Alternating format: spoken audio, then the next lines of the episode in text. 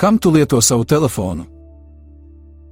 Katru dienu tu pieņem vismaz tūkstoti lēmumu, par lielāko daļu no tiem nemirkli nedomājot. Tas nozīmē, ka, ja katru dienu esi nomodā vidēji 16 stundas, tu katru minūti pieņem kādu lēmumu, ko tu saki vai nesaki, un kā tu to saki, kur tu ej vai nē, un kā tur nokļūsti, ko tu noklikšķini vai nē, ko izvēlies ēst un dzert, izlasīt, nopirkt vai klausīties. Viens lēmums minūtē ir piesardzīgs aprēķins. Ja tev ir vietālrunis, tas ir saglabājis daudzus lēmumus, ko esi pieņēmis pēdējo 24 stundu laikā - nosūtītas īsziņas, nosūtīti e-pasti, noklausīti raidieraksti, podkāsti, ignorēti zvani, atvērtas lietotnes, veikti pasūtījumi, ielaikoti Instagram video, pārbaudīti sporta rezultāti, visi pieņemtie lēmumi. Mūsu noklusējumi iestatījumi ir lēmumi, tikai lēmumi bez nolūka. Pat tad, kad mēs atliekam lēmumu, mēs esam pieņēmuši lēmumu. Mēs dabiski nevēlamies domāt par dzīvi kā par vienu garu virkni miljoniem lēmumu, jo tad mēs esam atbildīgi par šiem lēmumiem, ja neviens otru priekšā, tad vismaz pret Dievu.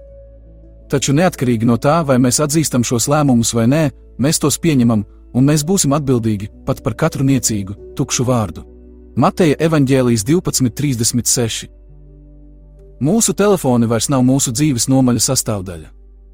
Tie ir kļuvuši par personīgu LED izkārtni, kas atklāja, kas mums ir vissvarīgākais.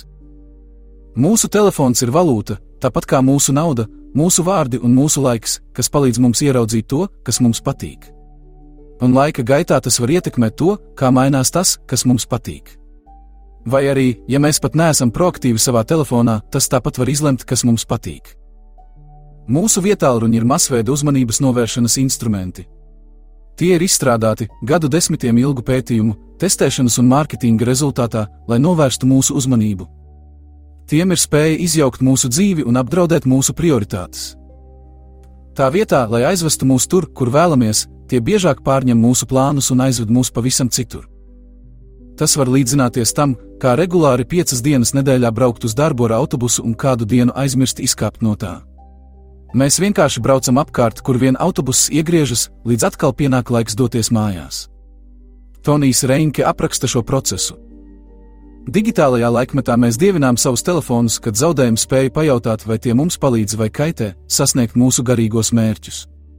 Mēs tik ļoti aizraujamies ar tehnoloģisko spožumu, ka nokļūstam savu telefonu brīnišķīgo līdzekļu, to ātruma, organizētības un efektivitātes gūstā, un šie līdzekļi paši kļūst par pietiekamiem mērķiem. Mūsu galamērķis paliek miglātīts, jo mēs esam pieķērušies ceļojuma ātrumam. Mēs kļūdaini pakļaujam cilvēciskos un garīgos mērķus mūsu tehnoloģiskajām iespējām.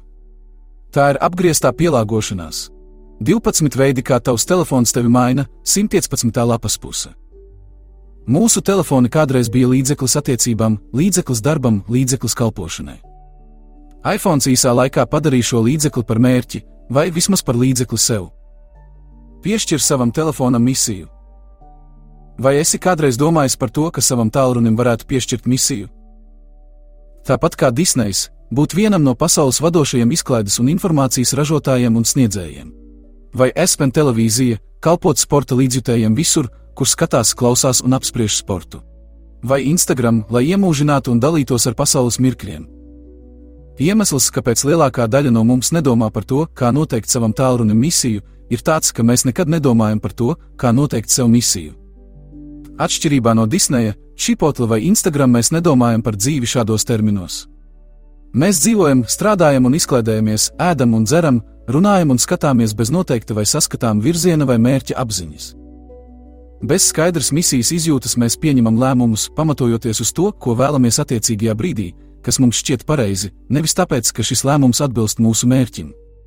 Mēs ļaujam, lai mūsu telefona paziņojumi jeb notifikācijas vada autobusu. Kādēļ Dievs tevi radīja? Kāda tad būs tava misija? Tev nav nepieciešams nolikt mārketinga aģentūru vai pavadīt stundas, lai noformulētu kaut ko pārcilvēcisku. Tu vari sākt ar visvienkāršāko personīgās misijas paziņojumu visai dzīvei Bībelē, vai ēdat vai dzerat, visu to dariet Dievam par godu. 1. korintiešiem 10.31. Vai tavs vietālrunis palīdz tev to sasniegt? Tas nav retorisks jautājums, bet praktisks. Vai mūsu tālruņa taustāmi palīdz mums arvien vairāk no mūsu tūkstošu ikdienas lēmumiem pieņemt tos tā, lai pasaulē pateiktu, cik ļoti mēs mīlam savu Dievu? Vai arī mūsu telefoni ietekmē simtus no šiem lēmumiem, aizēnojot ar mazāk svarīgām lietām, novēršot mūsu uzmanību no pārsteidzošās un aizraujošās misijas, ko Dievs mums ir devis. Ja esi Kristū, tad Dievs tevi ir izredzējis, izglābis un darījis par savu asinīm atpirktu dēlu vai meitu, par slavu viņa augstajai žēlastībai. Efeziešiem 1,6.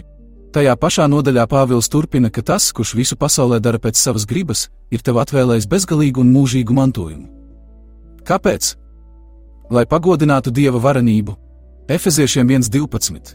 Kā jūs varat zināt, ka jums izdosies tikt līdz evaņģēlijam?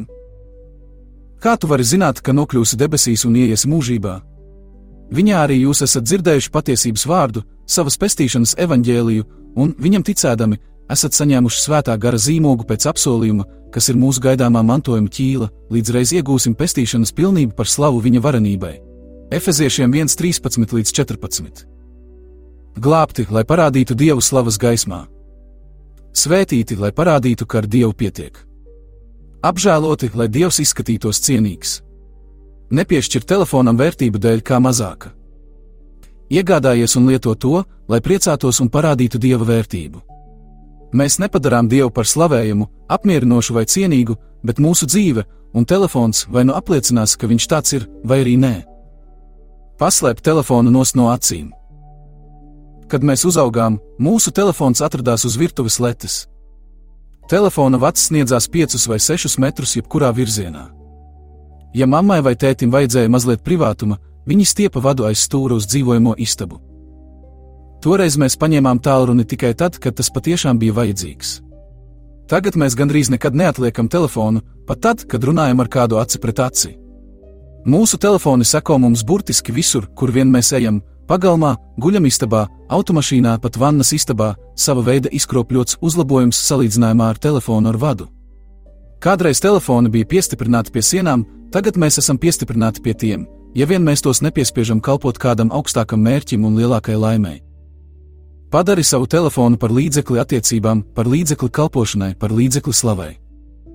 Ļauj biežāk apslāpēt ekrāna spožo gaismu, lai jūsu gaisma spīd ļaužu priekšā, ka tie ievēro jūsu labos darbus un godā jūsu tēvu, kas ir debesīs. Mateja 5.16. Ja mēs būsim gatavi likt savu telefonu pie sienas un noslēpt somā, mēs atbrīvosimies no tā, lai vairāk koncentrētos uz attiecībām un pienākumiem, kas ir vissvarīgākie. Vairāk dieva mūsos caur viņa vārdu, lūgšanu un sadraudzību, un vairāk dieva caur mums citu cilvēku dzīvēs. Vairāk prieka mūsos un vairāk slavas viņam. Pievieno savu telefonu garīgam vadam. Lūdz Dievu ierobežot tā traucējošo varu pār tevi un piepildīt to ar potenciāli svarīgākajām lietām.